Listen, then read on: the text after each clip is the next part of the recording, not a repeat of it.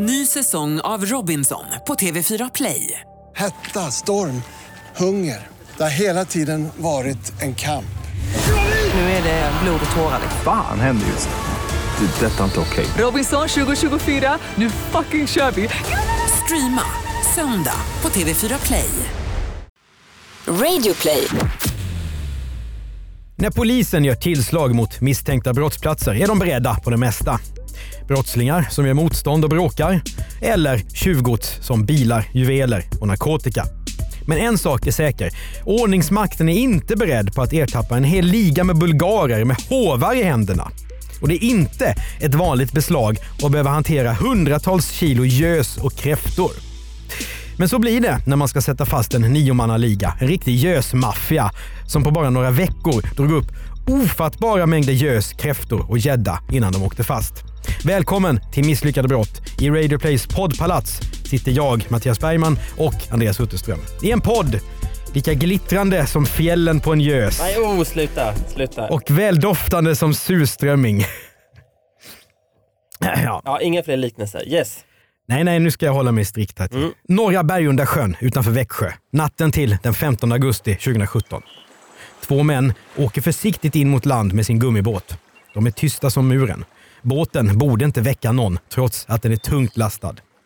Det är en kylig och fuktig morgon. Klockan är ungefär fyra. Det har varit kallt den här natten, bara fyra grader. Mycket kallare än vad det brukar så här års. Men den som jobbar håller sig varm. Och det vet de här männen, för de är inte ute och nöjeskör direkt. De har nämligen varit ute i över åtta timmar för att fiska. Kräftburarna satte de ner i förrgår natt och det har givit rejäl utdelning. Inte konstigt att de har behövt köra till sjön med två bilar. Men männen är inte ensamma. När de har hoppat i land och lastat ur sin gummibåt så tömmer de den på luft. Men då dyker plötsligt två okända män upp på morgonkvisten. Och de är poliser. De har spanat på de fiskande männen med mörkerkikare en stund från bara några meters håll. Tidigare under natten har flera poliser och hundförare varit vid sjön, men de har lämnat platsen nu. När poliserna går igenom gummibåten hittar de genast en jättesäck som rör sig. I den kryper 66 kilo levande kräftor. I båten finns dessutom över 60 kilo fisk, gös och braxen. Fiskargubbarna är bulgarer, 32 respektive 40 år gamla och de pratar varken svenska eller engelska. Kan du fatta den här brottsplatsundersökningen när allting ska liksom loggas? Nå- någon ska Ja, ja. alltså stå där och räkna kräftor. Och jag har ju läst domen, Absurt. fast jag fick inte med bilagorna med den. Bildmaterialet här är ju Ja, det är säkert fantastiskt. fantastiskt. Ja. De har kört upp genom Europa med sina fiskegrejer. De har fiskekort och tipset om att fiska just i den här vackra delen av sjön har de fått av några andra bulgarer. Men inget fiskekort kan hjälpa dem nu. Fångsten är alldeles för stor för det. Den ene bulgaren försöker smita men hinns ikapp av polisen. Den andra brottas ner. Nu är de gripna, misstänkta för brott. Hur kunde det bli så här? Vi måste börja i en annan ände. Annars riskerar det här avsnittet att bli lika snårigt som de 380 meter fisknät som polisen just har beslagtagit vid sjön. 41-årige Dennis, som egentligen heter något annat, han är bulgar, liksom alla andra i vår gösmaffia. När han kommer till Sverige hösten 2016 har han försökt att hanka sig fram i Spanien. Han vill tjäna mer pengar än vad man kan göra på de usla lönerna i hans hemland. Och inledningsvis så går det ganska bra. Dennis får svenskt personnummer och börjar jobba på ett åkeri som drivs av en ung kvinna. Men han får sparken när bolaget inte har tillräckligt med jobb längre. Dennis åker hem till Bulgarien och firar jul och nyår, men kommer tillbaka till Sydsverige i början av 2017 och skriver sig i en liten stad, passande nog på Framtidsgatan. Dennis förra chef erbjuder honom nu att bli inneboende hos henne i en kåk i Fridafors i Blekinge. Hans kompis får också bo där, men den före detta arbetsgivaren som äger huset, ja hon flyttar därifrån. Men nu har Dennis en bas och börjar jobba i en bilverkstad. I polisförhör ska Dennis komma och berätta att han nu ungefär får idén att ge sig in i fiskbranschen. Han berättar att han eh, registrerat sig hos Skatteverket och dessutom har anlitat en redovisningsbyrå till sitt företag. Även om han inte riktigt minns vad byrån heter, utom att den ligger nära Systembolaget. Nu har han dock myndigheternas tillstånd att både frakta och sälja fisk. Dennis har startat business. Och hans verksamhet, ja den är intensiv redan från början. I juli 2017 hanterar Dennis rejäla mängder fisk. Mitt i natten åker han upp till fiskaktionen i Göteborg där handlare och krögare köper sina varor. Fisken är sorterad och så har Dennis fört anteckningar över vad den är fiskad, precis som han ska. Den 11 juli säljer han 80 kilo gös och 5 kilo gädda på fiskauktionen. Dagen efter har han med sig 157 kilo gös. 17 juli kommer det 107 kilo gös och 4 kilo gädda till. Och för det här får Dennis totalt drygt 35 000 kronor. Men på Göteborgs fiskaktion väcker han nu misstankar. Det anses exotiskt med ett bulgariskt namn bland de andra leverantörernas och det är ovanligt att någon kommer upp med fisk från flera olika sjöar. Dessutom sjöar som sällan förekommer på de så kallade landningslistorna. Drängabråten, Flåren och Algunnen. Tjuvfiske det är lite för vanligt i Sverige för att Göteborgs fiskaktion ska vara naiva. De bryter kontakten med Dennis. Hans möjligheter att kränga fisk där stryps abrupt. Dennis tar istället sin kylbil och kör upp till Stockholms fiskaktion. Och där har han inga problem att sälja sin fisk. Under juli och augusti 2017 så kränger Dennis 1,1 ton gös, över 100 kilo gädda och 900 kilo kräftor. Och totalt har han nu dragit in över 400 000 kronor. Men nu, efter bara 11 försäljningar, så ska nätet dras åt kring Dennis. Det finns nämligen ett litet problem med hans bolagsbygge. Och det är affärsmodellen. För den bygger på att fisken som Dennis säljer inte alls är inköpt, utan tjuvfiska. Den svenska allemansrätten är världsberömd, men den omfattar inte fiske. För att få fiska för privat bruk så krävs det tillstånd. Det gäller alla sjöar, utom de som ägs av staten. Och den fiskindustri som Dennis snabbt har byggt upp, den omfattas av mycket tydliga krav. Ett vanligt fiskekort för allmänheten, ja det räcker inte alls. Dessutom så drar det misstankarna till sig när man plötsligt dyker upp med hundratals kilo gös och gädda under en så kort tidsperiod. Till och med om man är många som fiskat och delat upp sjöarna mellan sig och bara är ute om nätterna. För fiskare har koll på vad som händer kring sjöarna där de brukar hålla till. Och nu får polisen tips från uppmärksamma fisketillsynsmän om att suspekta figurer är ute på suspekta tider och drar upp suspekt fisk. Den 1 augusti stoppar polisen en misstänkt bil. Där i finns bland annat två bulgarer och 60 kilo levande kräftor. Veckan efter tar polisen två andra fiskande bulgarer på bar gärning i en nattlig räd vid södra Bergundasjön. Och fem dagar senare då är det dags för det stora tillslaget där de här killarna med gummibåt och jättesäcken med kräftor åker dit vid norra Bergundasjön. Det här är organiserat misstänker polisen genast. Tipsen och tillslagen talar sitt tydliga språk. Och när norra Bergundasjön draggas hittar man över 750 kräftburar där. Liksom flera hundra meter fisknät. Så stora fiskafängen har ingen rätt att hålla på med, fiskekort eller inte. Varför dräller det plötsligt av östeuropeer i de här trakterna? Är det som en av bulgarierna säger att egentligen är de där för att de vill plocka bär? Och varför i så fall dessa jättemängder med fisk? Den 31 augusti gör polisen en samordnad husrannsakan i två hus i trakten. Dels en stuga i Idemåla, dels ett hus i Fridafors. Och det sistnämnda är såklart den kåk som Dennis har hyrt. Och vad polisen än är van vid att hitta, knark, vapen, stöldgods, så ska det som de ser nu överträffa alla förväntningar. Polisen kommer till huset i Fridafors. Vänta Klockan- Mattias, innan vi fortsätter så måste vi också slå ett slag för våran bok. Misslyckad brott med 11 av våra favoritfall. Just det. Nya ex är tryckta. Jajamän. Ja. Och där kan man läsa om läggmatchen som slutade med rött kort och eh, utpressaren som åkte fast efter att ha eh, konfronterats med Stockholms snacksaligaste polis. Mm. Man slipper höra oss, men man får se bilder från de här casen också. Ja, på Grodmannen när han grips och eh, hur Mille Markovic såg ut som ung boxare som var arg på Svenska boxningsförbundet. Vem kan vara utan det? Absolut, ingen. Ingen. Var går man in om man vill köpa boken? Misslyckadebrott.se eller på sin fysiska bokhandel eller digitala. Ny säsong av Robinson på TV4 Play. Hetta, storm, hunger. Det har hela tiden varit en kamp. Nu är det blod och tårar. Fan händer just det. Det är detta inte okej. Robinson 2024, nu fucking kör vi! Streama söndag på TV4 Play. Ett poddtips från Podplay. I fallen jag aldrig glömmer djupdyker Hasse Aro i arbetet bakom några av Sveriges mest uppseendeväckande brottsutredningar. Går vi in med hemlig telefonavlyssning och, och då upplever vi att vi får en total förändring av hans beteende. Vad är det som händer nu? Vem är det som läcker? Och så säger han att jag är kriminell, jag har varit kriminell i hela mitt liv men att mörda ett barn, där går min gräns. Nya säsongen av Fallen jag aldrig glömmer på Podplay. Ja, polisen kommer till huset i Fridafors klockan sex på morgonen och börjar spana diskret. Efter en stund kommer en bulgar körande och det är en av de som har avslöjats tidigare. I hans bil finns det både fiskeutrustning och färskfångad gös. I de andra bilarna på tomten hittar polisen gummibåtar med elmotor, extra bilbatterier och fisknät. Och dessutom vadarstövlar, alltså vattentäta fiskeplagg som räcker högt över midjan. Och anteckningsböcker med noteringar om fångad fisk. Det idylliska huset har uppenbarligen varit centrum för olaglig fiskhandel. Både ett huvudkontor för Dennis bolag och lagringsplats för fisk som kommer från sjöar och ska gå till fiskaktioner. Garage, det här kan ju du, du kan vara Ja, polis. Garaget var som en fiskeribusiness och det var en industrimässig känsla där. Ja, det ska en av polismännen i tillslaget berätta i förhör. I huset finns nu en mängd morgonsura bulgarer, bland annat Dennis. Garaget har byggts om till kylrum. Det dräller av vita plastkartonger som man brukar transportera fisk i. Kylbilen är parkerad framför huset fylld av dokument och kvitton från fiskauktionerna. Men polisen måste också ta hand om någonting betydligt ovanligare, men också väldigt värdefullt.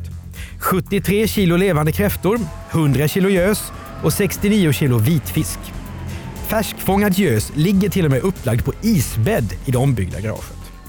Stugan i Idemåla, där två bulgarer har kamperat ihop, den är också ytterligt välutrustad för fiske. Där hittar polisen också kvitton som binder bulgarerna som bor där till Dennis. Mobiltrafiken knyter också ihop alla nio till en liga. Gösmaffian är avslöjad. Nu får Dennis och de åtta bulgarerna nya sängplatser på häktet. Det här är det största åtalet jag känner till efter omfattande tjuvfiske i insjöar i landet. Så säger åklagaren Sara Maria Johansson som är förundersökningsledare. Hon vill få Dennis dömd för grovt häleri, vilket kan ge strängare straff än brott mot fiskelagen. Häleri, alltså att man till exempel har sålt någonting som kommer från brottslig verksamhet. Även de andra åtta bulgarerna åtalas. Och nu får alla chansen att berätta sin version. Har de kanske en naturlig förklaring till de här jättefångsterna och bra svar på frågan om varifrån Dennis har fått all fisk som han har sålt? Ja, Dennis säger att han har fått idén om att bli gösentreprenör när han såg kylutrustningen monterad i det här huset som han har hyrt. Han har gått runt sjöarna och köpt färskfångad fisk av vanliga privatpersoner som fiskat. Själv har han inte dragit upp en enda fena. Och de åtta andra bulgarerna då? Jo, det var killar som hade hört talas om Dennis fiskeverksamhet och gärna ville vara med på hans bolagsäventyr, alltså fiska åt honom. De har åkt ända från Bulgarien för att hjälpa Dennis att fiska och han har bara hjälpt sina landsmän genom att låta dem få bo hos sig och att köpa fiskekort till dem. Bulgarerna har smeknamn som Forgi, Patsaka, Kamata och Gochi. Var och en så får också de berätta sina historier för polisen. De är skogshuggare, montörer, diversarbetare och allt möjligt och har tagit sig till Sverige av olika skäl. Det är allt från att plocka bär och tjäna en hacka på det till att sälja en bil eller köpa en minibuss. Men gemensamt har de att de har mött Dennis och velat jobba för honom. En del av dem har till och med släpat med sig fiskutrustning från Bulgarien. Det här är ett gäng med olika bakgrunder, öden och drivkrafter. Vissa av dem känner varandra men de flesta har inte haft någon koppling innan de plötsligt bodde ihop i lukten av nyfångad fisk. Flera av dem kan knappt läsa och skriva och har ingen aning om vad sjöarna heter som de har fiskat i. Men en av dem har läst de svenska fiskereglerna och säger sig ha följt dem till punkt och pricka. Han hade tyvärr ingen fiskelycka säger han, utan fick bara 25 fiskar på sju tillfällen. Men de här fiskekorten då?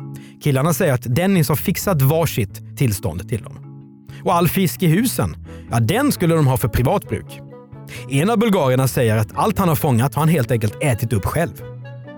Nu får den här historien vingar, som det heter. De fräcka bulgarerna och deras märkliga sommarjobb, det blir stora nyheter i lokalmedierna. Storyn upprör invånarna i Sydsverige. För om en sån här fräck fiskeliga kan härja, tänk på allt mindre tjuvfiske som säkert också förekommer, men inte blir rättssak. Och riksdagsledamoten i Kronoberg, Claes-Göran Karlsson, han kräver svar av den ansvarige ministern Sven-Erik Bucht om vad regeringen tänker göra för att stoppa skurkar som Dennis och hans gäng. Tjuvfiskehärvan är liksom någonting annat än vad svenskarna har haft för fördomar. I vår ryggmärg sitter snarare myten om sluga bönder som Åsa-Nisse. Fritänkare snarare än brottslingar. Men eh, det har inget med tjuvfiske att göra?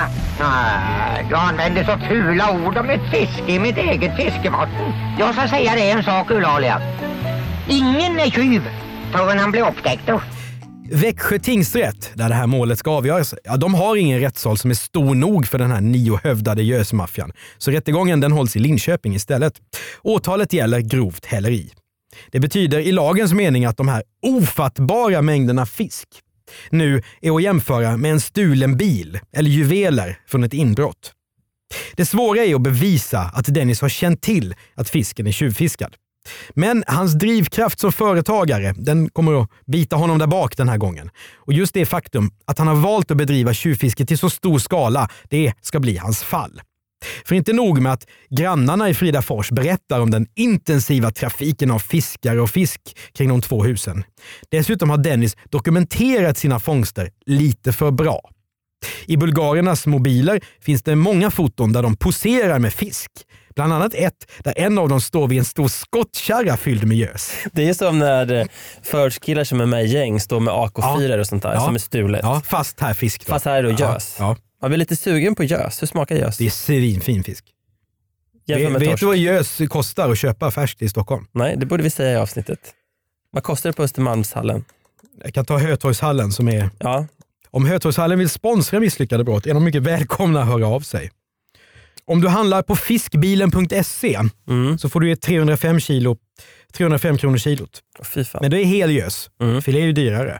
Så det här är ju det är det är en lyxfisk, helt klart. Eh, och kräfta vet vi, svensk kräfta är ju en delikatess såklart. En av dem har till och med filmat när de packar fisk i kylrummet. Det är lite som när företag tar bilder för att berätta i årsredovisningen om sin verksamhet. Ett sms ska också bli viktigt i bevisningen. Det är Dennis som skrivit till en av sina kompisar “Lägg i is och ställ in temperatur”. Åklagaren tycker att det här självklart är en order från Dennis om hur den nyfångade gösen ska hanteras.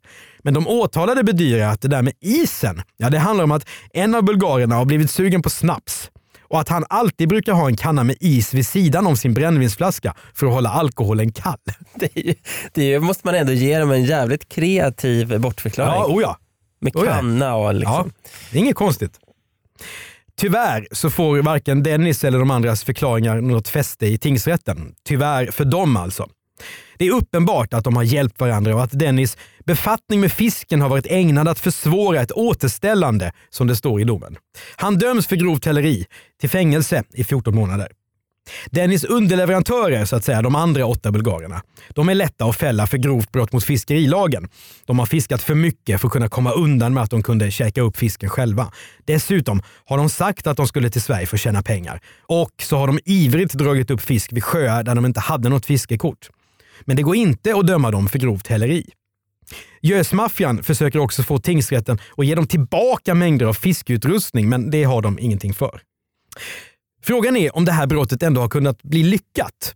Om killarna hade fiskat lite försiktigare och hållit en lägre profil, då hade de kanske aldrig åkt dit. Vad tror du Andreas? Det finns vissa paralleller här mellan gösmaffian och eh, eh, Anette Zettergren som eh, var just det. politikern som, som lurade till sig pengar i Mm. sin egenskap av, hon var arbetsterapeut va? eller vad var det? Ja, hon var ju... Sjukgymnast? Ja, och akupunktör. Just det. Mm. Eh, därför, Fysioterapeut Därför heter. att hon eh, gjorde det i för stor skala. Så, och till slut blir man då upptäckt för att det börjar blinka varningslampor. Hade hon hållit en lägre profil hade hon säkert eh, kunnat hålla på eh, mycket, mycket längre och inte bli upptäckt. Samma sak här. Å andra sidan, då hade han ju inte kunnat tjäna de stora pengarna. Precis så. Så i själva brottet var inbyggt att han måste åka dit. Ja, exakt. Mm. För att i, i längden hade det här aldrig kunnat hålla. Därför att om folk är ute eh, och fiskar på nätterna, det är klart att det väcker misstankar. Och sen är det ju det, tyvärr så att om folk inte pratar svenska och är ute och beter sig underligt så blir folk mer misstänksamma. Vi har alla en liten rasist i oss. Så att det tror jag faktiskt spelar in. Det kan hända. Nu pratar vi om gös och sånt här, lite, nästan lite komiskt. Men om man ska vara allvarlig här så de här eh, domarna väcker ju väldig uppståndelse för att de är så pass, det är så kort straff för Dennis. 14 Mm. månader. Och då har han redan suttit häktad så det räknas ju av då. Eh, och Många blir ju upprörda för det här. Eh, är det här ett allvarligare brott än vad det kanske låter som? Om man ser till vilka ekonomiska värden som står på spel, vi pratade ju om kilopriserna nyss, Mm. då är det ju det. Å andra sidan är det ju inget fysiskt våld alls, Va- vad, vad jag förstår.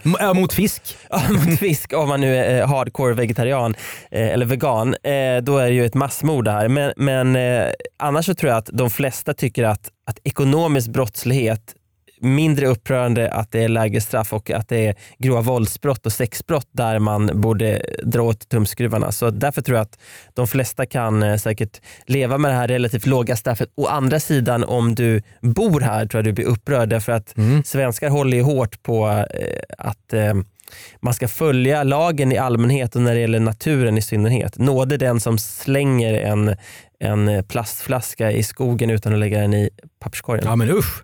Dessutom i en av de här sjöarna så var kräftorna ganska nyss utplanterade. Så de var så att säga på tillväxt. Och Då kommer den här ma- gösmaffian och drar upp kräftor i mängder och kan ju förstöra hela beståndet. Så att eh, det kan man ju förstå. Men de här 400 000 kronorna som Dennis hade liksom fått för fisken på auktionerna. Det var ju då för lite pengar för att det skulle kunna leda till en hårdare dom. Även om det var en jättesumma i tjuvfiskesammanhang. Hur som helst, Dennis och resten av ligan de överklagar först sina domar, men ångrar sig. Och om fängelset anordnar någon kräftskiva, det har vi inga uppgifter om. Eller hur ofta, ofta de fick äta gös. Förmodligen inte så ofta. Nej, jag skulle ju säga ytterst sällan. Faktiskt. Snarare eh, Alaska pollock om det var någon fisk överhuvudtaget. Ja. Du har hur som helst hört ett avsnitt av Misslyckade brott med mig, Mattias Bergman och Andreas Utterström som också producerar podden. Exekutiv producent är Jonas Lindskog. Boken Misslyckade brott hittar du på misslyckadebrott.se. Betygsätt oss gärna och eh, skriv en liten recension i iTunes så är det fler som hittar till podden.